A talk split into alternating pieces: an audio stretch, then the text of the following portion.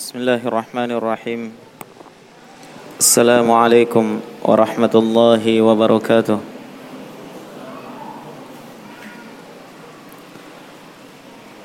إن الحمد لله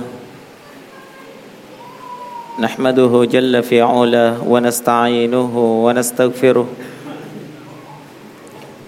ونستهديه ونتوكل عليه ونعوذ بالله من شرور أنفسنا وسيئات أعمالنا. من يهده الله فلا مضل له ومن يضلل فلن تجد له وليا مرشدا. وأشهد أن لا إله إلا الله وحده لا شريك له إقرارا به وتوحيدا. وأشهد أن محمدا عبده ورسوله صلى الله عليه وعلى آله وسلم تسليما مزيدا. أما بعد فيا أيها الإخوة والأخوات رحمني ورحمكم الله. الحمد لله atas nikmat dan barakah dari Allah Subhanahu wa taala. Kita kembali berkumpul di masjid yang mubarakah ini insyaallah. Untuk kita sama-sama saling mengajarkan dan saling mengingatkan saling murajaah terhadap perkara yang terpenting di dalam hidup ini yakni membicarakan tentang perkara agama Allah yang telah dituntunkan oleh Rasul Muhammad sallallahu alaihi wa ala alihi wasallam. Telah diriwayatkan di dalam kitab sahih yang diriwayatkan oleh Imam Muslim. Satu hadis yang datang dari seorang sahabat yang mulia Muawiyah ibn al-Hakam As-Sulami radhiyallahu taala anhu. Beliau berkata Kanat li jariyatun tar'a ghanaman li qibala Uhudin wal Juwainiyah wal Juwaniyah fatala'tu dhata yawmin fa idza dhi'bu qad dhahaba bi syatin min ghanamiha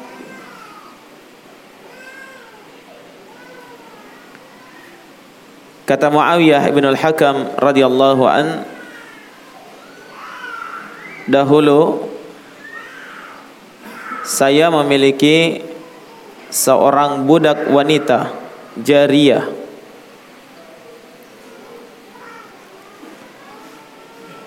Yang saya tugaskan untuk menggembalakan kambing saya di daerah Uhud dan Al-Juwaniyah.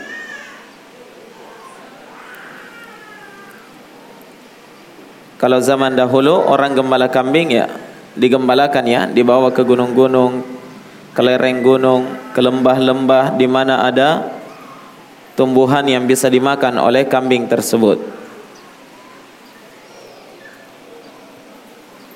Berbeda dengan ya para penggembala kambing modern di zaman kita sekarang ya. Kambingnya cuma tinggal di kandang.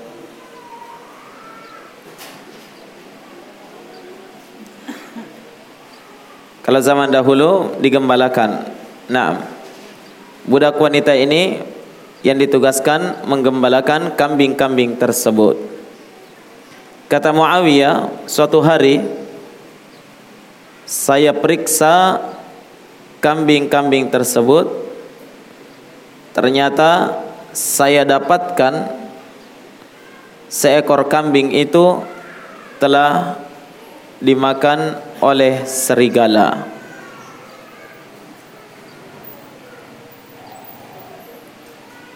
Nah,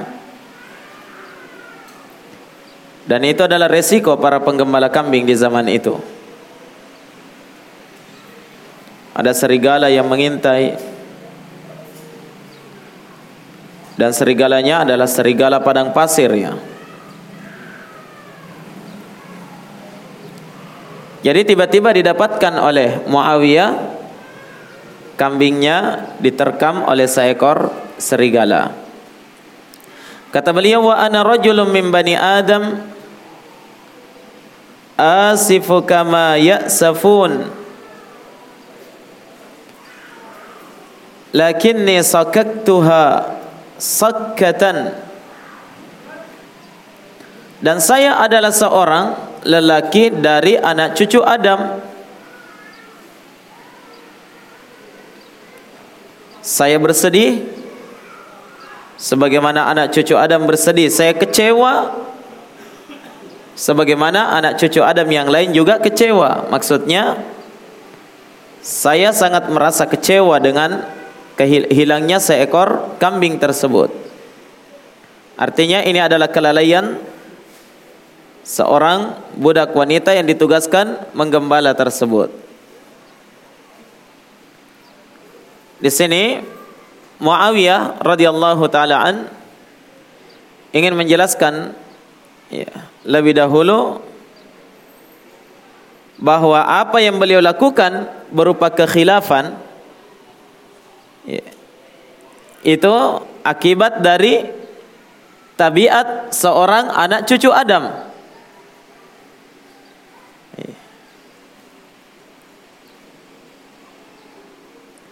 Akibat dari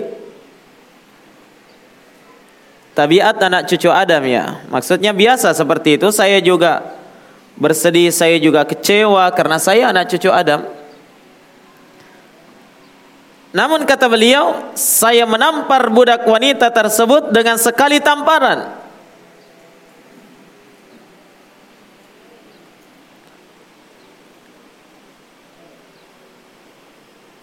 Fa'ataitu Rasulullah sallallahu alaihi wasallam fa'azzama dzalika alai Maka saya pun segera mendatangi Nabi, muncul penyesalan di dalam hati. Padahal ini budaknya ya. Nah, tapi muncul penyesalan di dalam hatinya. Maka dia laporkan kepada Nabi perbuatannya. Ternyata Nabi menjadikan permasalahan ini adalah permasalahan besar bagi saya. Bukan perkara sepele.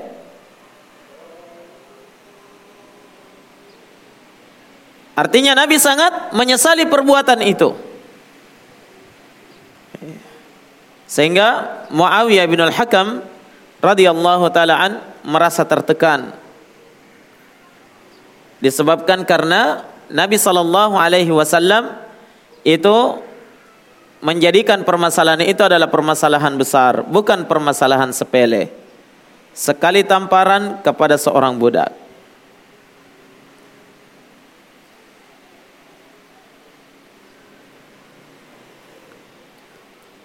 Qultu kata beliau saya pun berkata ya Rasulullah afala a'tiquha Tidakkah sebaiknya kalau saya merdekakan budak saya itu?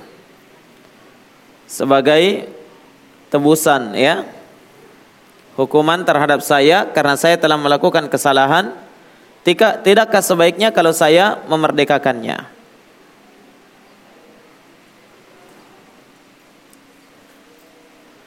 Qal maka Nabi bersabda i'tini biha Coba panggil budakmu, datangkan ke hadapan saya. Nah. Fa'ataituhu biha. Kata beliau, saya pun panggil, saya datangkan budak itu, saya bawa ke depannya Nabi. Faqala laha. Maka Nabi bertanya kepadanya, Aina Allah? Di mana Allah?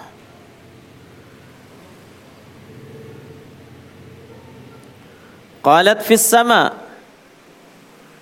Kata budak wanita ini, Allah di atas langit. Qala man ana? Nabi bertanya lagi, siapa saya? Qalat anta Rasulullah. Dia menjawab, kamu adalah utusan Allah. Qal Nabi bersabda, "I'tiqha fa innaha mu'minah." Merdekakan dia karena sungguh dia adalah seorang wanita yang beriman. Hadirin dan hadirat, ikhwah dan akhwat sekalian, rahimani wa rahimakumullah. Dari hadis ini walaupun dia adalah hadis yang sangat masyhur ya terutama di tengah di, di kalangan para tulabul ilm, para penuntut ilmu. Namun di dalamnya ada faidah-faidah yang sangat banyak yang bisa kita petik di baliknya. Di antaranya jemaah sekalian, ya, betapa besarnya dosa dari dosa kezaliman yang dilakukan oleh seorang hamba terhadap hamba yang lainnya.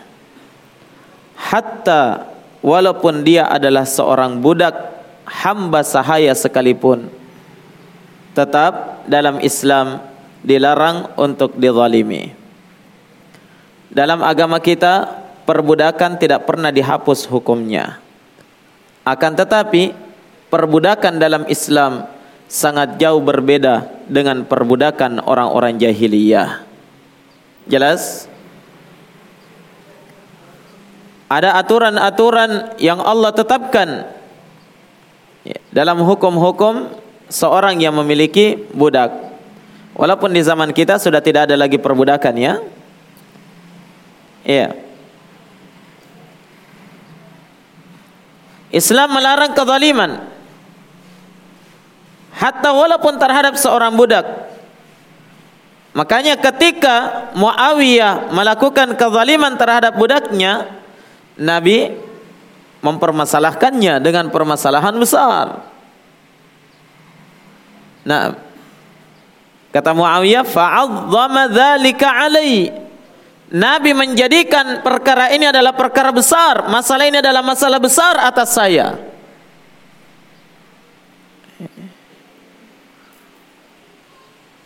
Nabi marah terhadapnya. Kenapa kamu lakukan seperti itu? Demikianlah karena kezaliman itu adalah perkara yang diharamkan di dalam agama kita. Allah Subhanahu wa taala berfirman dalam sebuah hadis qudsi, "Ya ibadi, inni haramtu dzulma ala nafsi wa ja'altuhu bainakum muharraman fala tadzalamu." Wahai hamba-hambaku, sungguh saya telah mengharamkan atas kalian kezaliman. Uh, sungguh saya telah mengharamkan kezaliman atas diriku sendiri. Dan saya menjadikannya perkara yang diharamkan di antara kalian. Jangan kalian saling menzalimi. Jangan saling menganiaya antara satu dengan yang lainnya, baik dengan ucapan terlebih lagi dengan perbuatan.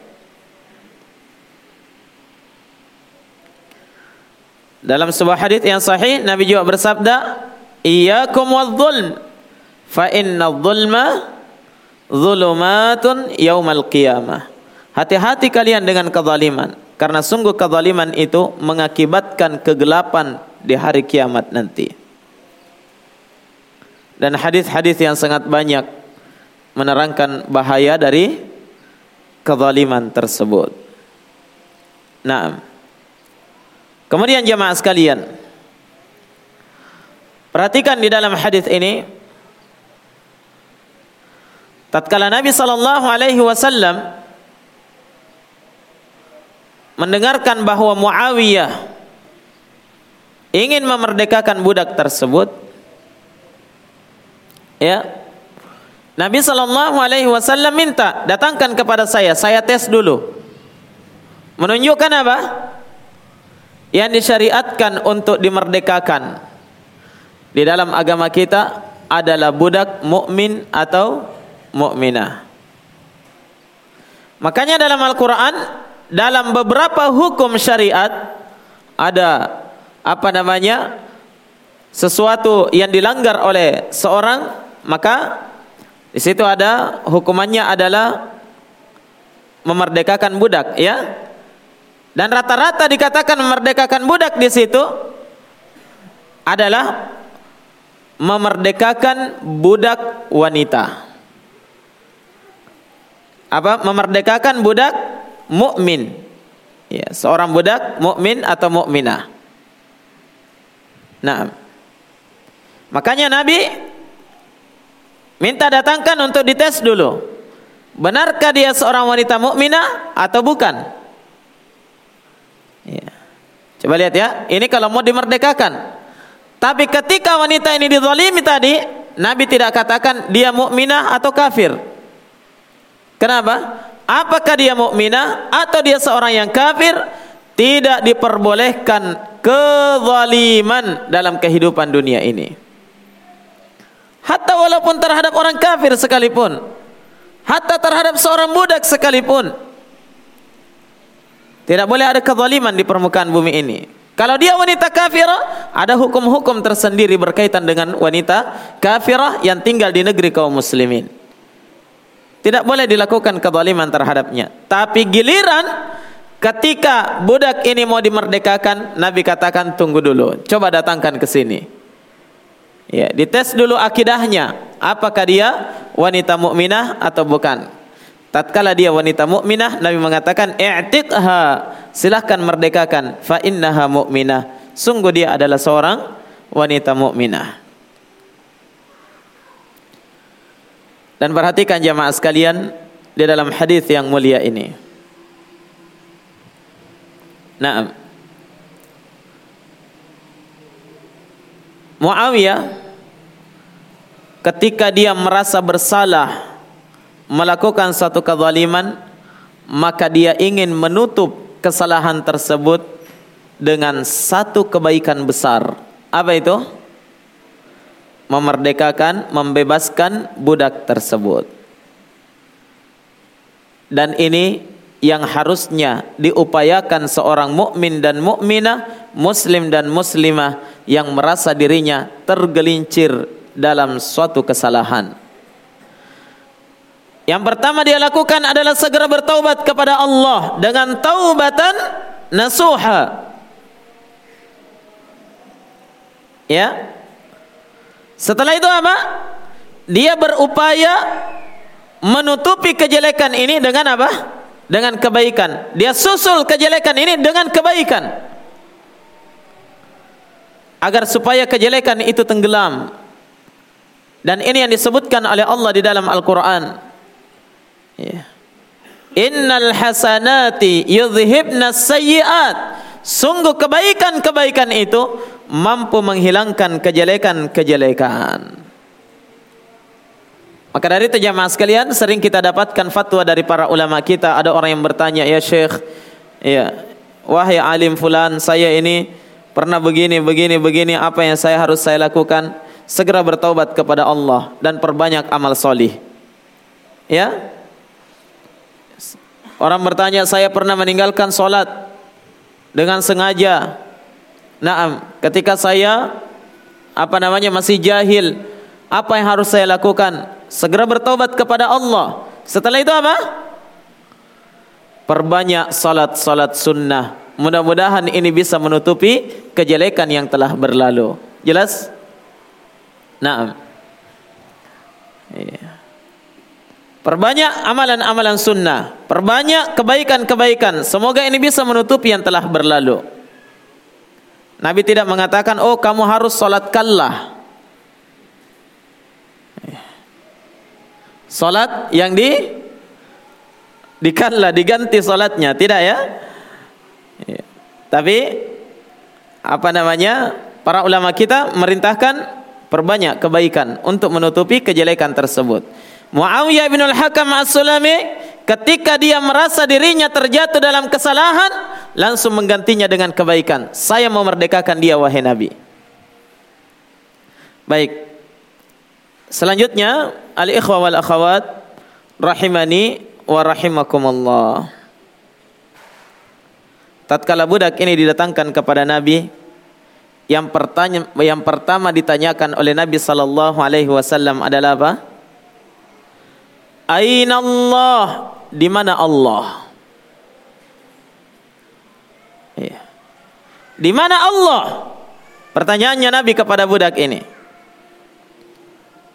Herannya banyak orang sekarang sekolah sampai ke luar negeri, profesor, doktor, ya. Ketika pulang ke tanah air dia katakan jangan coba-coba tanya di mana Allah, bahaya itu. Profesor Dongo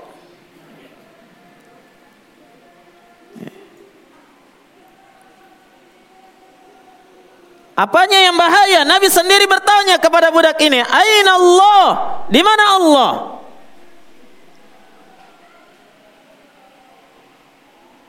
Tiba-tiba ada orang belakangan mengatakan tidak boleh mempertanyakan di mana tempatnya Allah. Tidak boleh menentukan jihah, arah untuk Allah. Ya? Kesesatan. Yeah. Nabi bertanya, "Aina Allah? Di mana Allah?" Dia menjawab, "Fis sama di langit." Apa artinya fis sama di sini? Iya. Fis sama di langit. Nah, maknanya ya asal daripada as-sama berasal dari kata as-sumu yang artinya apa? Ketinggian. Iya. Makanya langit disebut as-sama karena dia di tempat yang tinggi, begitu ya? Bukan artinya budak ini menetapkan bahwa Allah di dalam langit. Kenapa? Karena Allah tidak bisa dilingkupi oleh makh makhluknya. Allahu Akbar. Allah Maha Besar, tidak ada yang mengalahkan besarnya Allah. Tidak mungkin Allah masuk ke dalam langit. Ya, tidak mungkin dia dilingkupi oleh langit.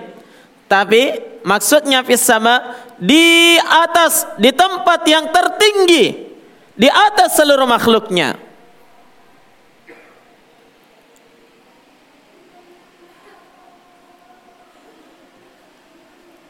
Mungkin ada yang bertanya, Ustadz, kata-kata fi dalam bahasa Arab itu kan di dalam maknanya. Ya, fil masjidi. Di mana? Di dalam masjid fil kitabi. Di mana? Di dalam kitab bukan di atasnya kitab.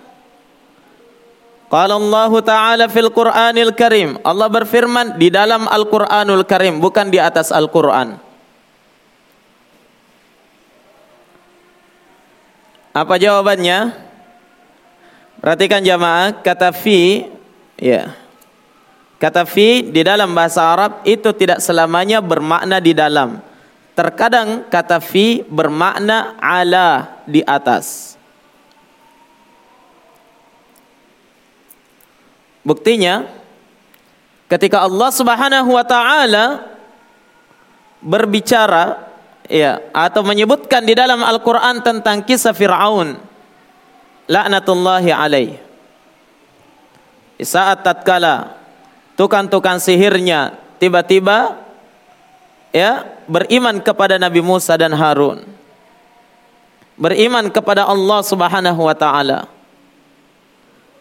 Maka ketika itu Firaun marah. Dia berkata, "Amantum lahu qabla an adzana lakum?" Apakah kalian beriman kepada Musa itu sebelum saya sebelum saya izinkan kalian untuk beriman kepada kepada dia innahu lakabirukum alladhi 'allamakumus sihr. Dia adalah orang yang telah mengajarkan kepada kalian sihir. Si tukang sihir itu Musa kata Firaun.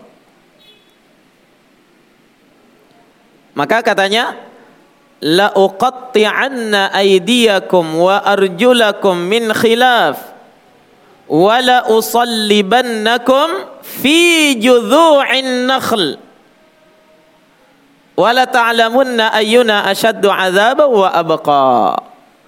Kata Firaun benar-benar pasti saya akan memotong tangan-tangan kalian dan kaki kalian secara bersilangan dan saya akan menyalib kalian. Di mana? Fi judhu'in nakhl. Di pohon kurma.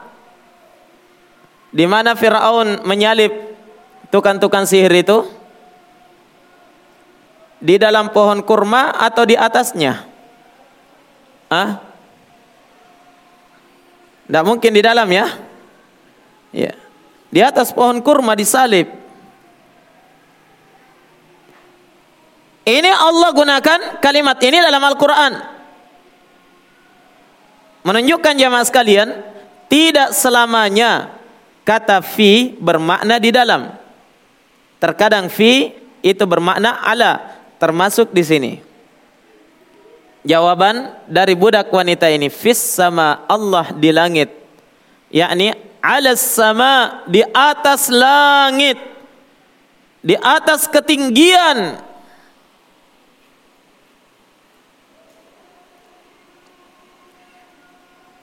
Nah.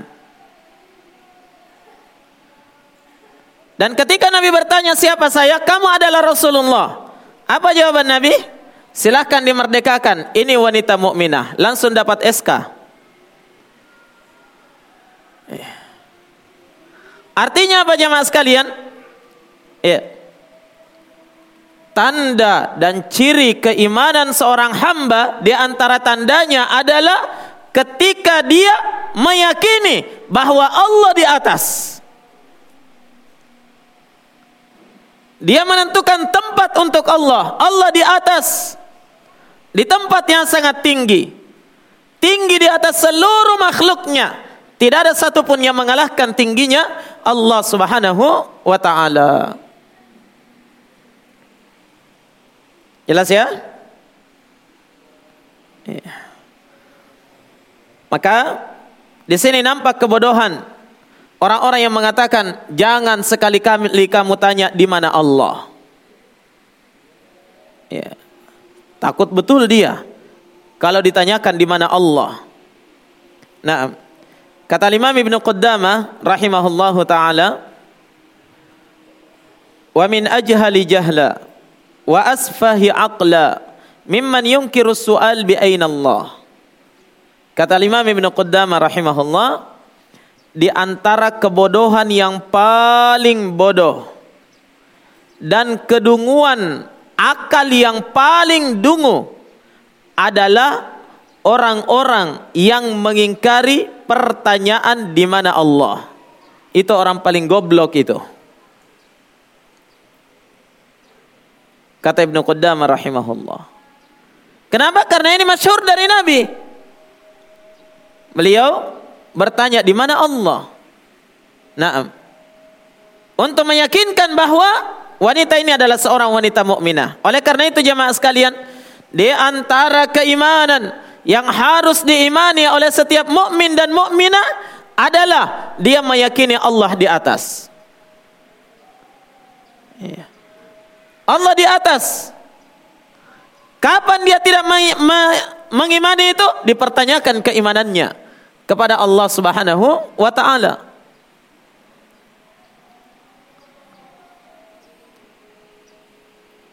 Itu adalah ciri keimanan seseorang. Naam. Al-ikhwa wal akhawat rahimani wa rahimakumullah.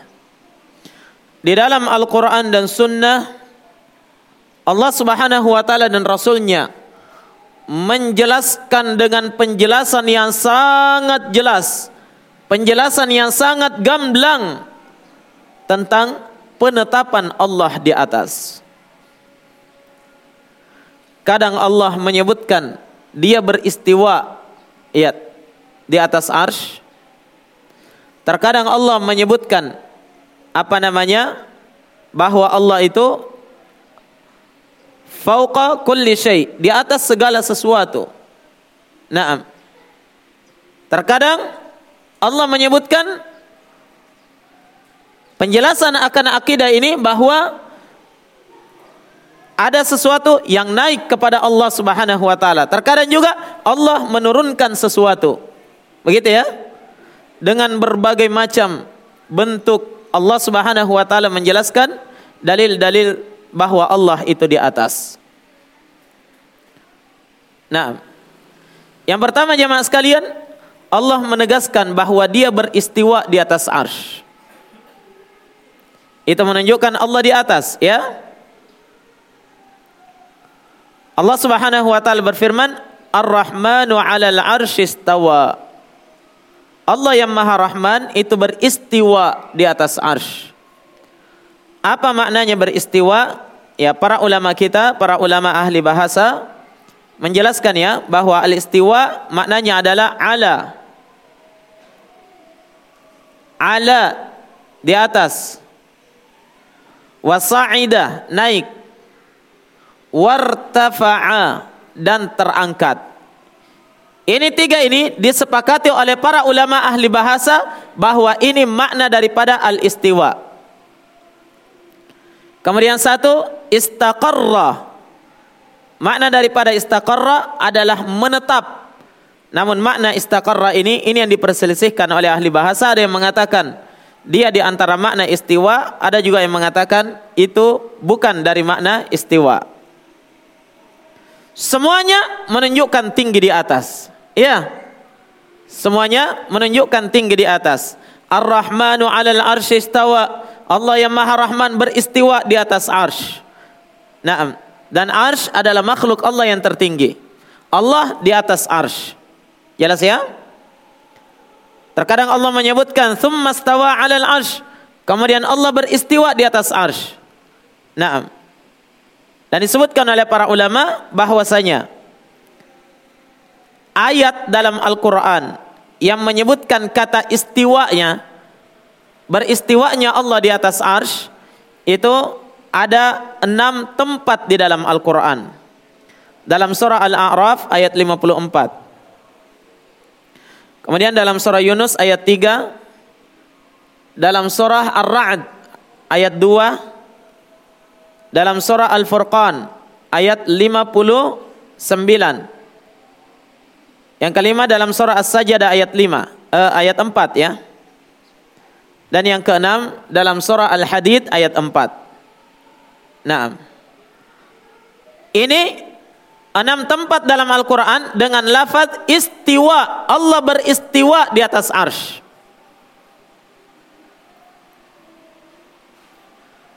Allah di atas Allah Subhanahu wa taala berada di ketinggian di atas seluruh makhluknya. Karena Allah beristiwa di atas makhluk yang tertinggi, yaitu arsnya. Jelas ya? Ini kalau dengan lafaz apa? Istawa, beristiwa. Tapi kalau dengan lafaz Allah di langit, Allah tinggi, ya itu sangat banyak sekali. Bahkan disebutkan oleh Imam Ibnul Qayyim dalil tentang istiwanya apa tingginya Allah di atas seluruh makhluknya itu disebutkan sekitar 2000 dalil. Ya, sekitar 2000 dalil yang menerangkan akan hal tersebut. Akan tetapi jamaah sekalian, orang-orang yang memiliki penyakit hati dari kalangan ahlul bid'ah Mu'tazilah, orang-orang Khawarij dan yang sepemikiran dengan mereka dari orang-orang yang mendahulukan akalnya itu tidak mau menetapkan bahwa Allah itu di atas. Nah, sama sekali tidak mau menetapkan Allah di atas. Iya. Terus Allah ada di mana? Ada yang mengatakan Allah tidak di atas, tidak di bawah, tidak di timur, tidak di barat, tidak di utara, tidak di selatan, tidak di langit, tidak di bumi. Ah? Kalau begitu siapa yang disembah orang dongo ini? Siapa kira-kira yang dia sembah? Sama halnya kalau dia mengatakan Allah tidak ada. Tatkala dia menafikan Ya, di mana Allah berarti dia menafikan akan keberadaan Allah.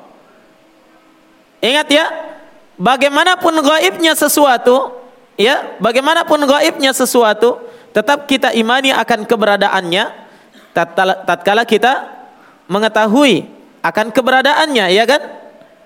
Ya, walaupun kita tidak melihatnya dengan mata telanjang.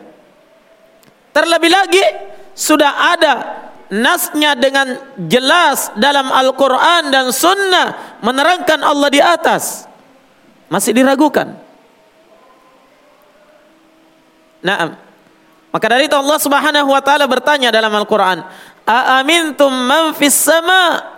Tidakkah kalian beriman terhadap Allah yang di langit? Kenapa kalian tidak mengimani? Allah tetapkan Allah di langit. Di atas langit. Ya.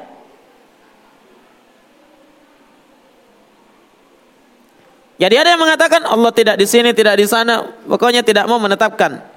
Makanya orang-orang yang seperti ini kalau ada orang yang ceramah menyebutkan Allah kemudian menunjuk ke atas, wah diprotes itu. Berarti kamu menunjuk di mana tempatnya Allah. Ya. Coba ya. Kalau Allah orang menyebutkan nama Allah kemudian menunjuk ke atas itu tidak boleh. Tapi herannya ketika dia berdoa, dia hadapkan tangannya ke mana? Ah? Atau orang yang seperti ini tidak pernah berdoa ya?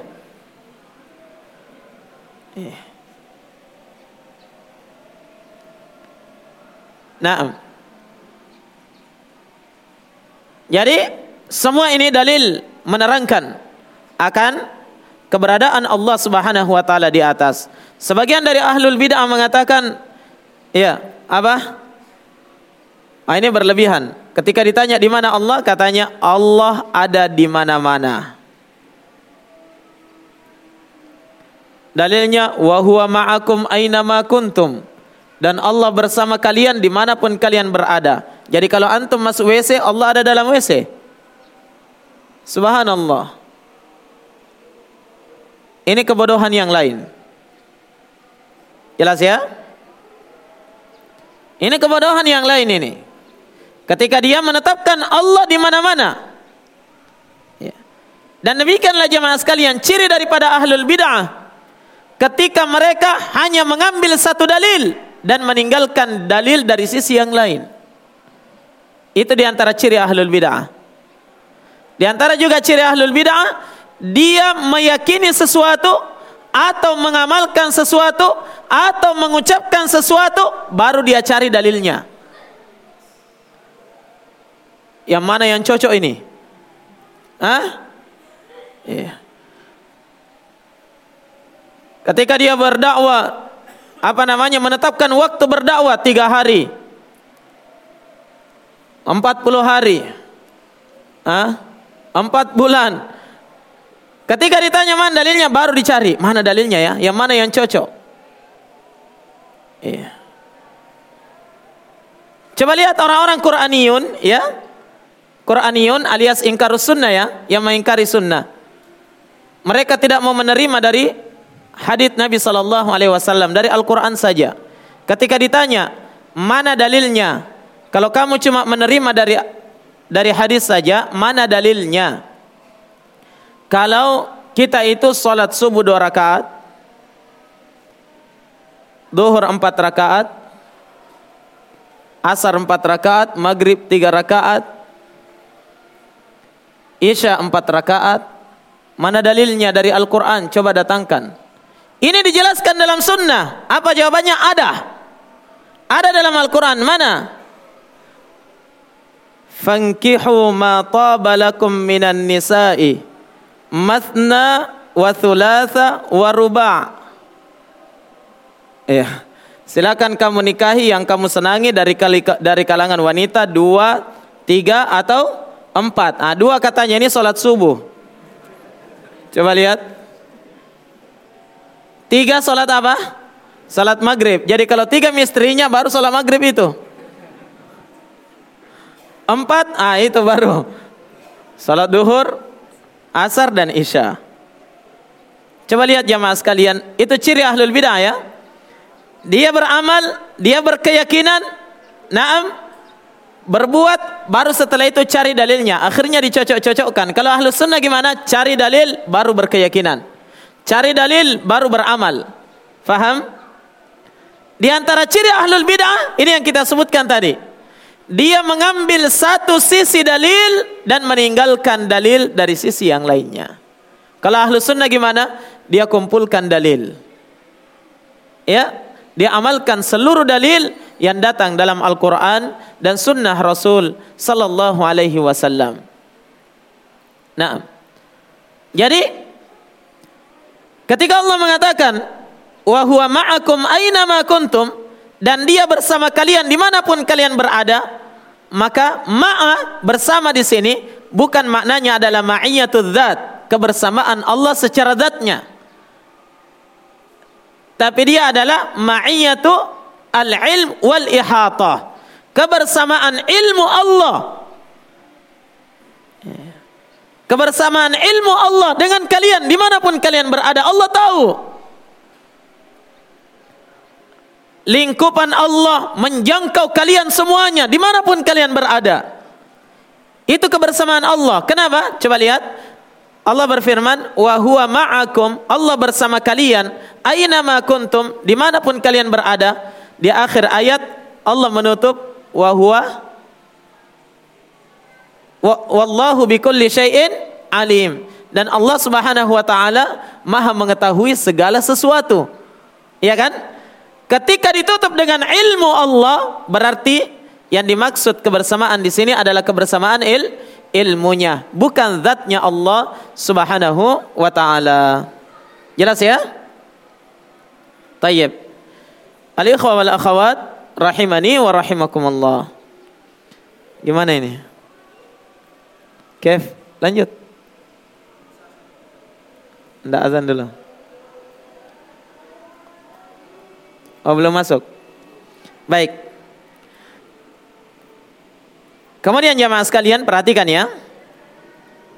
Disebutkan oleh para ulama kita bahwasanya tingginya Allah uluwullah, tingginya Allah di atas. Naam, itu mencakup dua bentuk ketinggian. Yang pertama adalah uluwul zat, tingginya zat Allah di atas seluruh makhluk.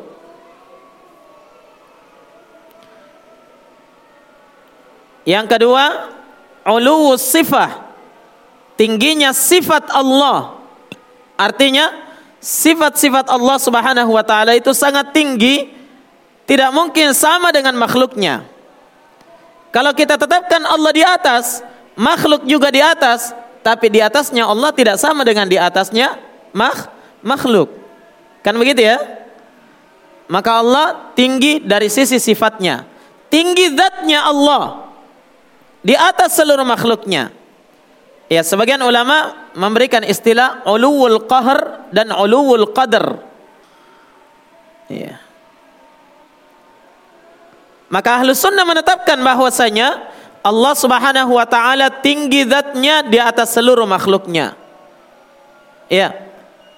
Tinggi di atas seluruh makhluknya. Sehingga tidak ada yang menyamai Allah subhanahu wa ta'ala di dalam sifat ini. Walaupun dikatakan ada makhluk juga tinggi ya. Akan tetapi jamaah sekalian, ketinggian Allah itu di atas seluruh makhluk, tidak sama dengan satu pun dari ketinggian makhluk. Nah, Ikhwani wa akhwati fid din, rahimani wa rahimakumullah. Dan apa namanya disebutkan oleh para ulama bahwasanya sifat tingginya Allah Subhanahu wa taala di atas seluruh makhluknya itu ditetapkan dalam Al-Quran dan Sunnah dan ijma' kesepakatan para ulama. Para ulama ahlu sunnah ya. Ya, kalau ahlul bid'ah tidak dianggap dalam kesepakatan. Ya. Jadi penyelisihan ahlul bid'ah terhadap ahlus sunnah itu tidak dianggap. Jadi dalilnya ijma' sepakat para ulama sunnah menetapkan Allah di atas, kemudian ditetapkan secara akal dan fitrah. Iya. Ditetapkan secara akal dan fitrah manusia. Tayyib. Ikhwani wa akhwati fid din, rahimani wa rahimakumullah. Baik. Sebagaimana disebutkan tadi bahwa Allah menetapkan dirinya tinggi di atas seluruh makhluknya itu dengan Al-Quran dan Sunnah. Dalilnya jelas ya. Sebagiannya sudah telah kita sebutkan tadi. Bahkan disebutkan oleh Imam Ibn Al-Qayyim sekitar berapa tadi? Ya, sekitar 2000 dalil. Menjelaskan akan tingginya sifat Allah Subhanahu wa taala. Tayyib. Di antaranya Allah Subhanahu wa taala berfirman di dalam Al-Qur'an. Sabbihisma rabbikal a'la. Sucikanlah nama Tuhanmu, nama Rabbmu Al-A'la yang maha tinggi. Ya. Yang maha tinggi. Makanya di dalam salat ketika kita sujud kepada Allah merendah di hadapan Allah memperlihatkan kecilnya kita, hinanya kita di hadapan Allah Subhanahu wa taala. Kita letakkan anggota tubuh kita yang paling mulia yaitu wajah diletakkan di mana? Di tempat yang paling rendah, tempat menginjakkan kaki. Betul? Ketika sujud. Ya. Ini bagian tubuh kita yang paling mulia ya. Makanya beda itu kalau ada orang yang ditapek belakangnya sama ditapek mukanya. Hah? Apanya yang beda? Rasanya sama gitu. Tapi yang membedakan adalah apa? Kemuliaannya. Ini menunjukkan apa? Wajah adalah tempat apa namanya anggota tubuh yang paling mulia. Yang paling mulia ini kita letakkan di tempat yang paling rendah ketika kita bersujud kepada Allah. Kemudian kita bilang apa? Subhana rabbiyal a'la. Maha suci Rabbku, Tuhanku yang tertinggi. Kita merendah di hadapan Allah, kita menghinakan diri di hadapan Allah dan kita tetapkan Allah itu di atas, tinggi di atas seluruh makhluknya. Nah, seorang pentolan Mu'tazilah ketika dia sujud dia tidak baca Subhana Rabbiyal A'la, tapi dia katakan Subhana Rabbiyal Asfal. Iya. Maha suci Rabbku yang paling rendah, masya Allah. Kenapa? Karena dia katakan Allah ada di mana-mana. Allah di atas, Allah juga di bawah. Nah, Taib. Ikhwani rahimakumullah. Jadi Allah Subhanahu wa taala menetapkan ya, sabbihisma rabbikal a'la.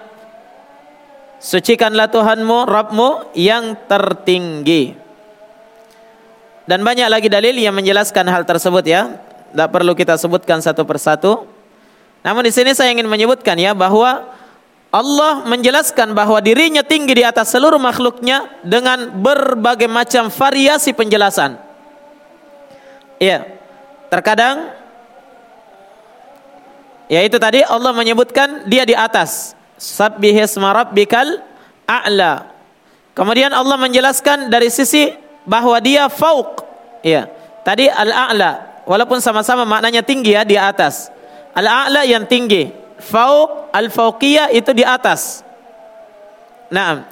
Allah Subhanahu wa taala berfirman, "Wa huwal qahiru fauqa ibadihi." dan dialah Allah Subhanahu wa taala yang qahir maha mengalahkan di atas seluruh hamba-hambanya. Ini dengan kata fauq. Ya, di atas. Kemudian jamaah sekalian, terkadang Allah menjelaskan bahwa dirinya di atas itu dengan menyebutkan ada sesuatu yang turun darinya, yang turun darinya, begitu. Ya. Seperti misalnya Allah Subhanahu wa taala berfirman, "Inna nahnu nazzalna dzikra wa inna lahu lahafizun." Apa artinya? Sungguh kami yang menurunkan apa? Az-dzikr yakni Al-Qur'an dan kami yang akan menjaganya. Ya. Kami menurunkan Al-Qur'an. Sesuatu yang diturunkan artinya apa? Dari atas atau ke dari bawah? Dari atas ya, turun ke bawah. Siapa yang turunkan Al-Quran? Allah. Berarti Allah di mana?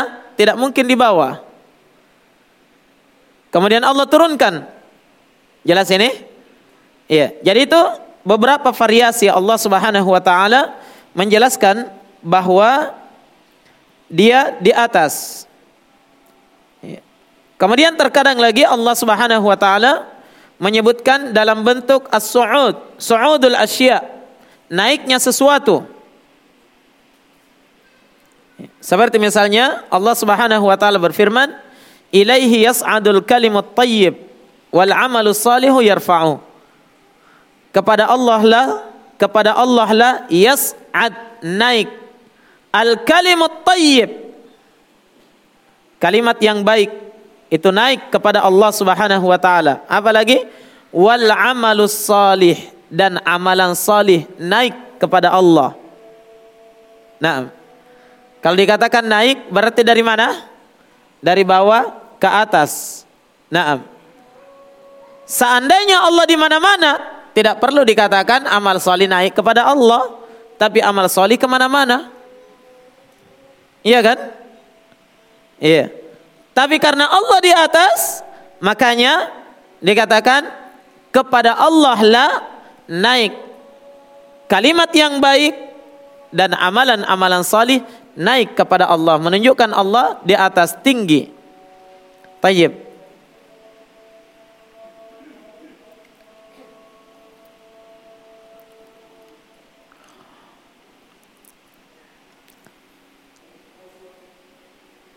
Kemudian jemaah sekalian, ya, penetapan akan tingginya Allah Subhanahu wa taala atau azan dulu ini. Fadal. Naam. Bismillah. Alhamdulillah wassalatu wassalamu ala Rasulillah amma ba'd. Al-ikhwa wal akhawat rahimani wa rahimakumullah. Baik, kita lanjutkan ya.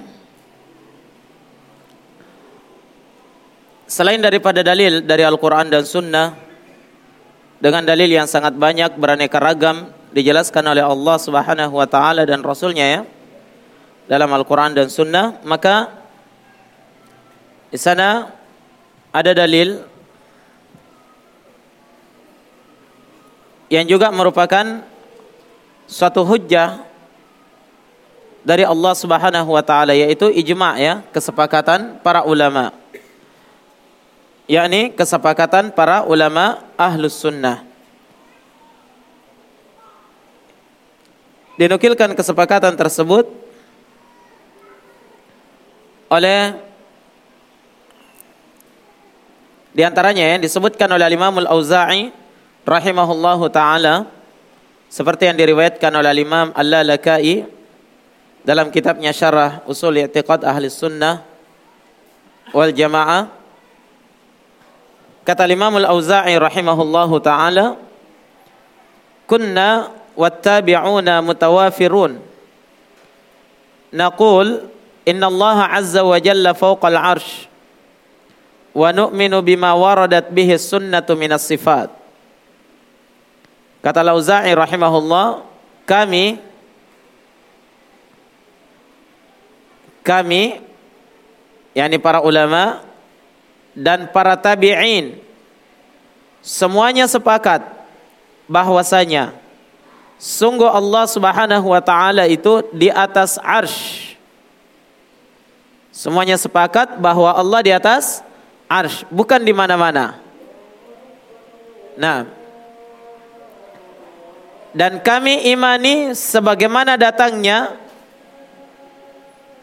di dalam as-sunnah dari sifat-sifat Allah Subhanahu wa taala. Baik. Itu di antara penukilan ijma kesepakatan para ulama dinukilkan oleh siapa? Al-Imam Al-Auza'i rahimahullahu taala. Diriwayatkan oleh Imam Al-Lalakai rahimahullah. Kata beliau kami dan seluruh tabi'in itu sepakat bahwa Allah di atas arsh, tidak ada yang menyelisihi. Jadi yang mengatakan Allah di mana-mana atau Allah tidak di mana-mana, nah itu berada apa namanya pendapat belakangan yang dimunculkan oleh ahlul bid'ah dari kalangan orang-orang yang mengikuti hawa nafsunya. Nah, dan bisa dilihat ya uh, penukilan ijma para ulama, kesepakatan para ulama disebutkan oleh Imam Mudzahabi rahimahullahu taala dalam kitabnya Al-Ulu. Nah, baik itu kesepakatan. Kemudian dari sisi pendalilan akal, ya, Terkadang orang kalau dalil Al-Quran dan Sunnah masih susah terima. Maka dari sisi akal, akal sehat ya, bukan akal yang tidak sehat. Ya. Dari sisi akal yang sehat, itu pasti menetapkan bahwa sifat tinggi di atas itu adalah sifat kesempurnaan. Mana yang lebih baik? Di atas atau di bawah? Nah, keumumannya ya dari sisi akal manusia selalu pilih yang di atas. Menunjukkan yang di atas itu adalah sifat kesempurnaan. Kalau dia adalah sifat kesempurnaan, maka Allah yang pantas di atas seluruh makhluknya. Faham? Itu dari sisi akal. Jadi kalau dari sisi dalil Al-Quran dan Sunnah tidak bisa diterima, berikan dari sisi akal. Ya, Selama masih sehat akalnya pasti diterima. Yang masalah kalau sudah tidak sehat akalnya bawa ke rumah sakit tadi. Nah, itu dari sisi akal sehat ya. Jadi selama orang akalnya sehat pasti meyakini bahwa yang di atas itu apa namanya? Sifat kesempurnaan. Iya. Bukan sifat kesempurnaan kalau Allah bersama makhluknya. Bukan pula sifat kesempurnaan kalau Allah itu tidak ya tidak memiliki tempat. Ya, tidak diketahui arahnya di mana. Bukan sifat kesempurnaan. Ya, maka dari sifat kesempurnaan adalah ketika Allah di atas. Allah yang berhak memiliki sifat itu. Sifat sempurna, paling sempurna, paling di atas, tidak ada satupun yang setara dengan Allah Subhanahu wa taala.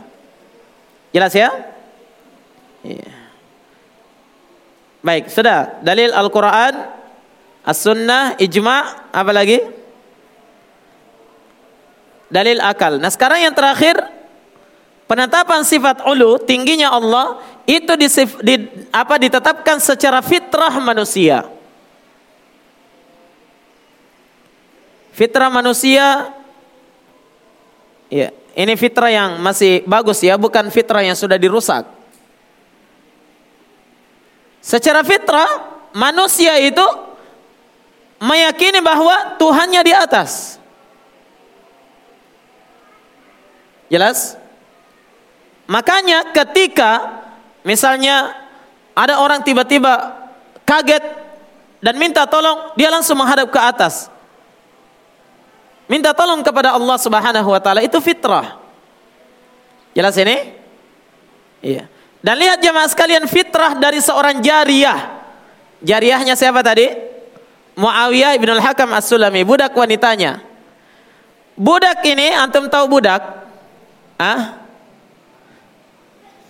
Budak itu dibeli, diperjualbelikan untuk dipekerjakan, itu saja.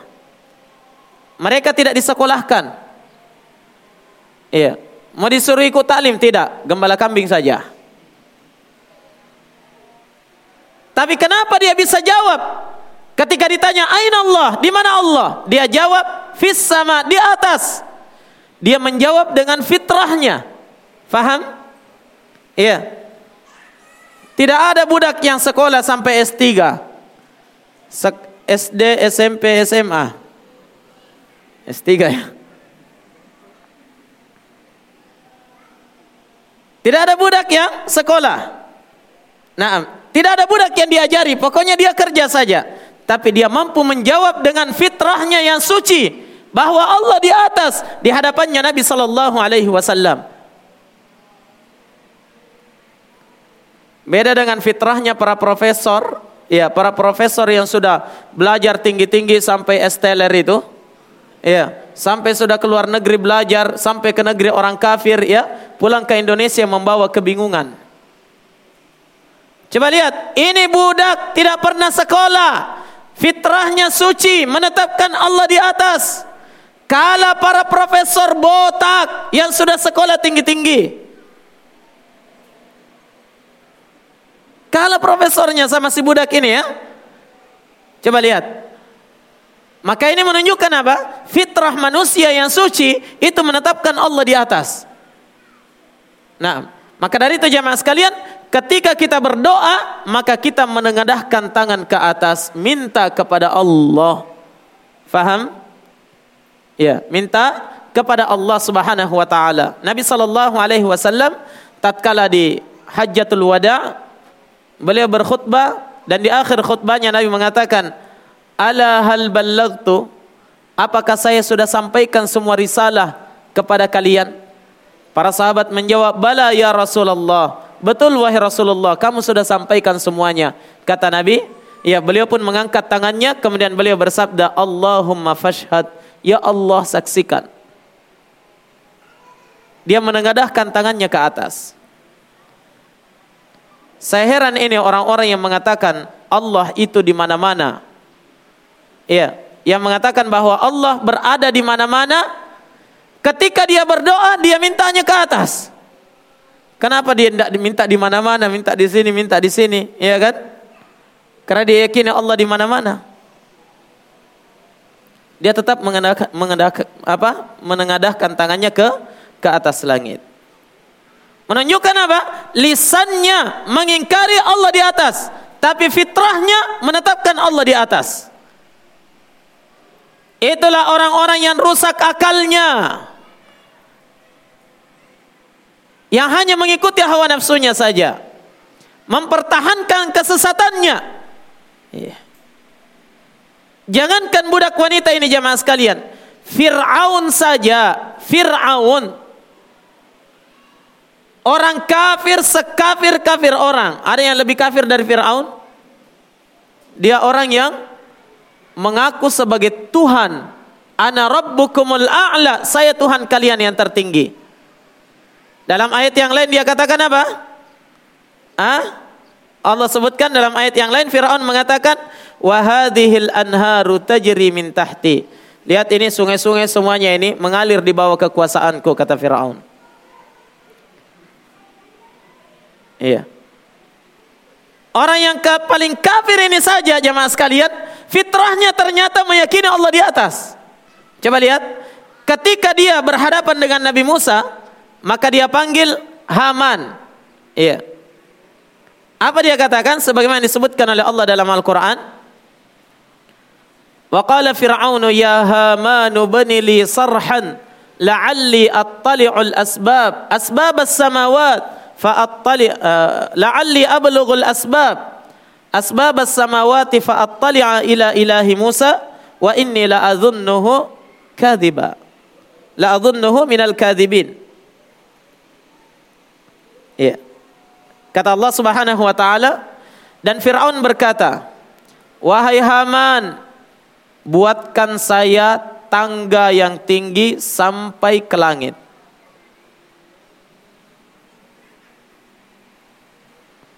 Mau dibuatkan tangga sampai ke langit. Tidak tahu tangga apa itu. Apa tujuannya? Iya. Apa tujuannya?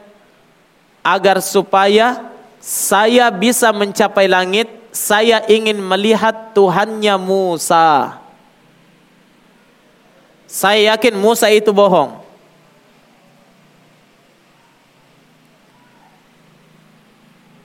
Firaun menetapkan Allah di mana? Di atas. Seandainya dakwahnya Nabi Musa mengatakan Allah di mana-mana, tidak perlu bikin tangga sampai di langit. Ya. Cukup mengutus semua pasukan cari di seluruh penjuru dunia di mana tahannya Musa. Dan kata para ulama, ayat ini adalah dalil yang menunjukkan bahwa para nabi dan rasul Allah sejak dahulu sampai Nabi Muhammad semuanya mendakwahkan apa? Allah di atas. Buktinya Nabi Musa apa Firaun mau membuat tangga naik ke langit. menunjukkan Nabi Musa dari dakwah Nabi Musa kepada Firaun Allah di atas. Jelas ya?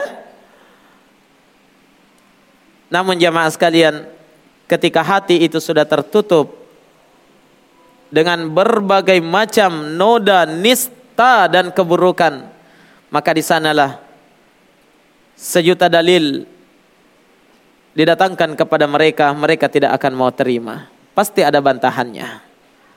Nah, maka dari itu jamaah sekalian, kita pelajari ini untuk kita yakini dan kita ajarkan bukan untuk diperdebatkan. Ingat? Ya. Bukan untuk diperdebatkan. Kenapa? Karena mau kalau mau berdebat pasti ada lawannya. Ya, pasti ada lawannya. Apalagi kalau cari lawan di FB. Ya. Itu pasti ada lawannya. Dan pasti ada bantahannya. Kenapa? Karena orang hanya mencari pembenaran, bukan cari kebenaran. Orang yang berdebat bukan cari kebenaran, tapi mereka cari kemenangan. Betul atau tidak?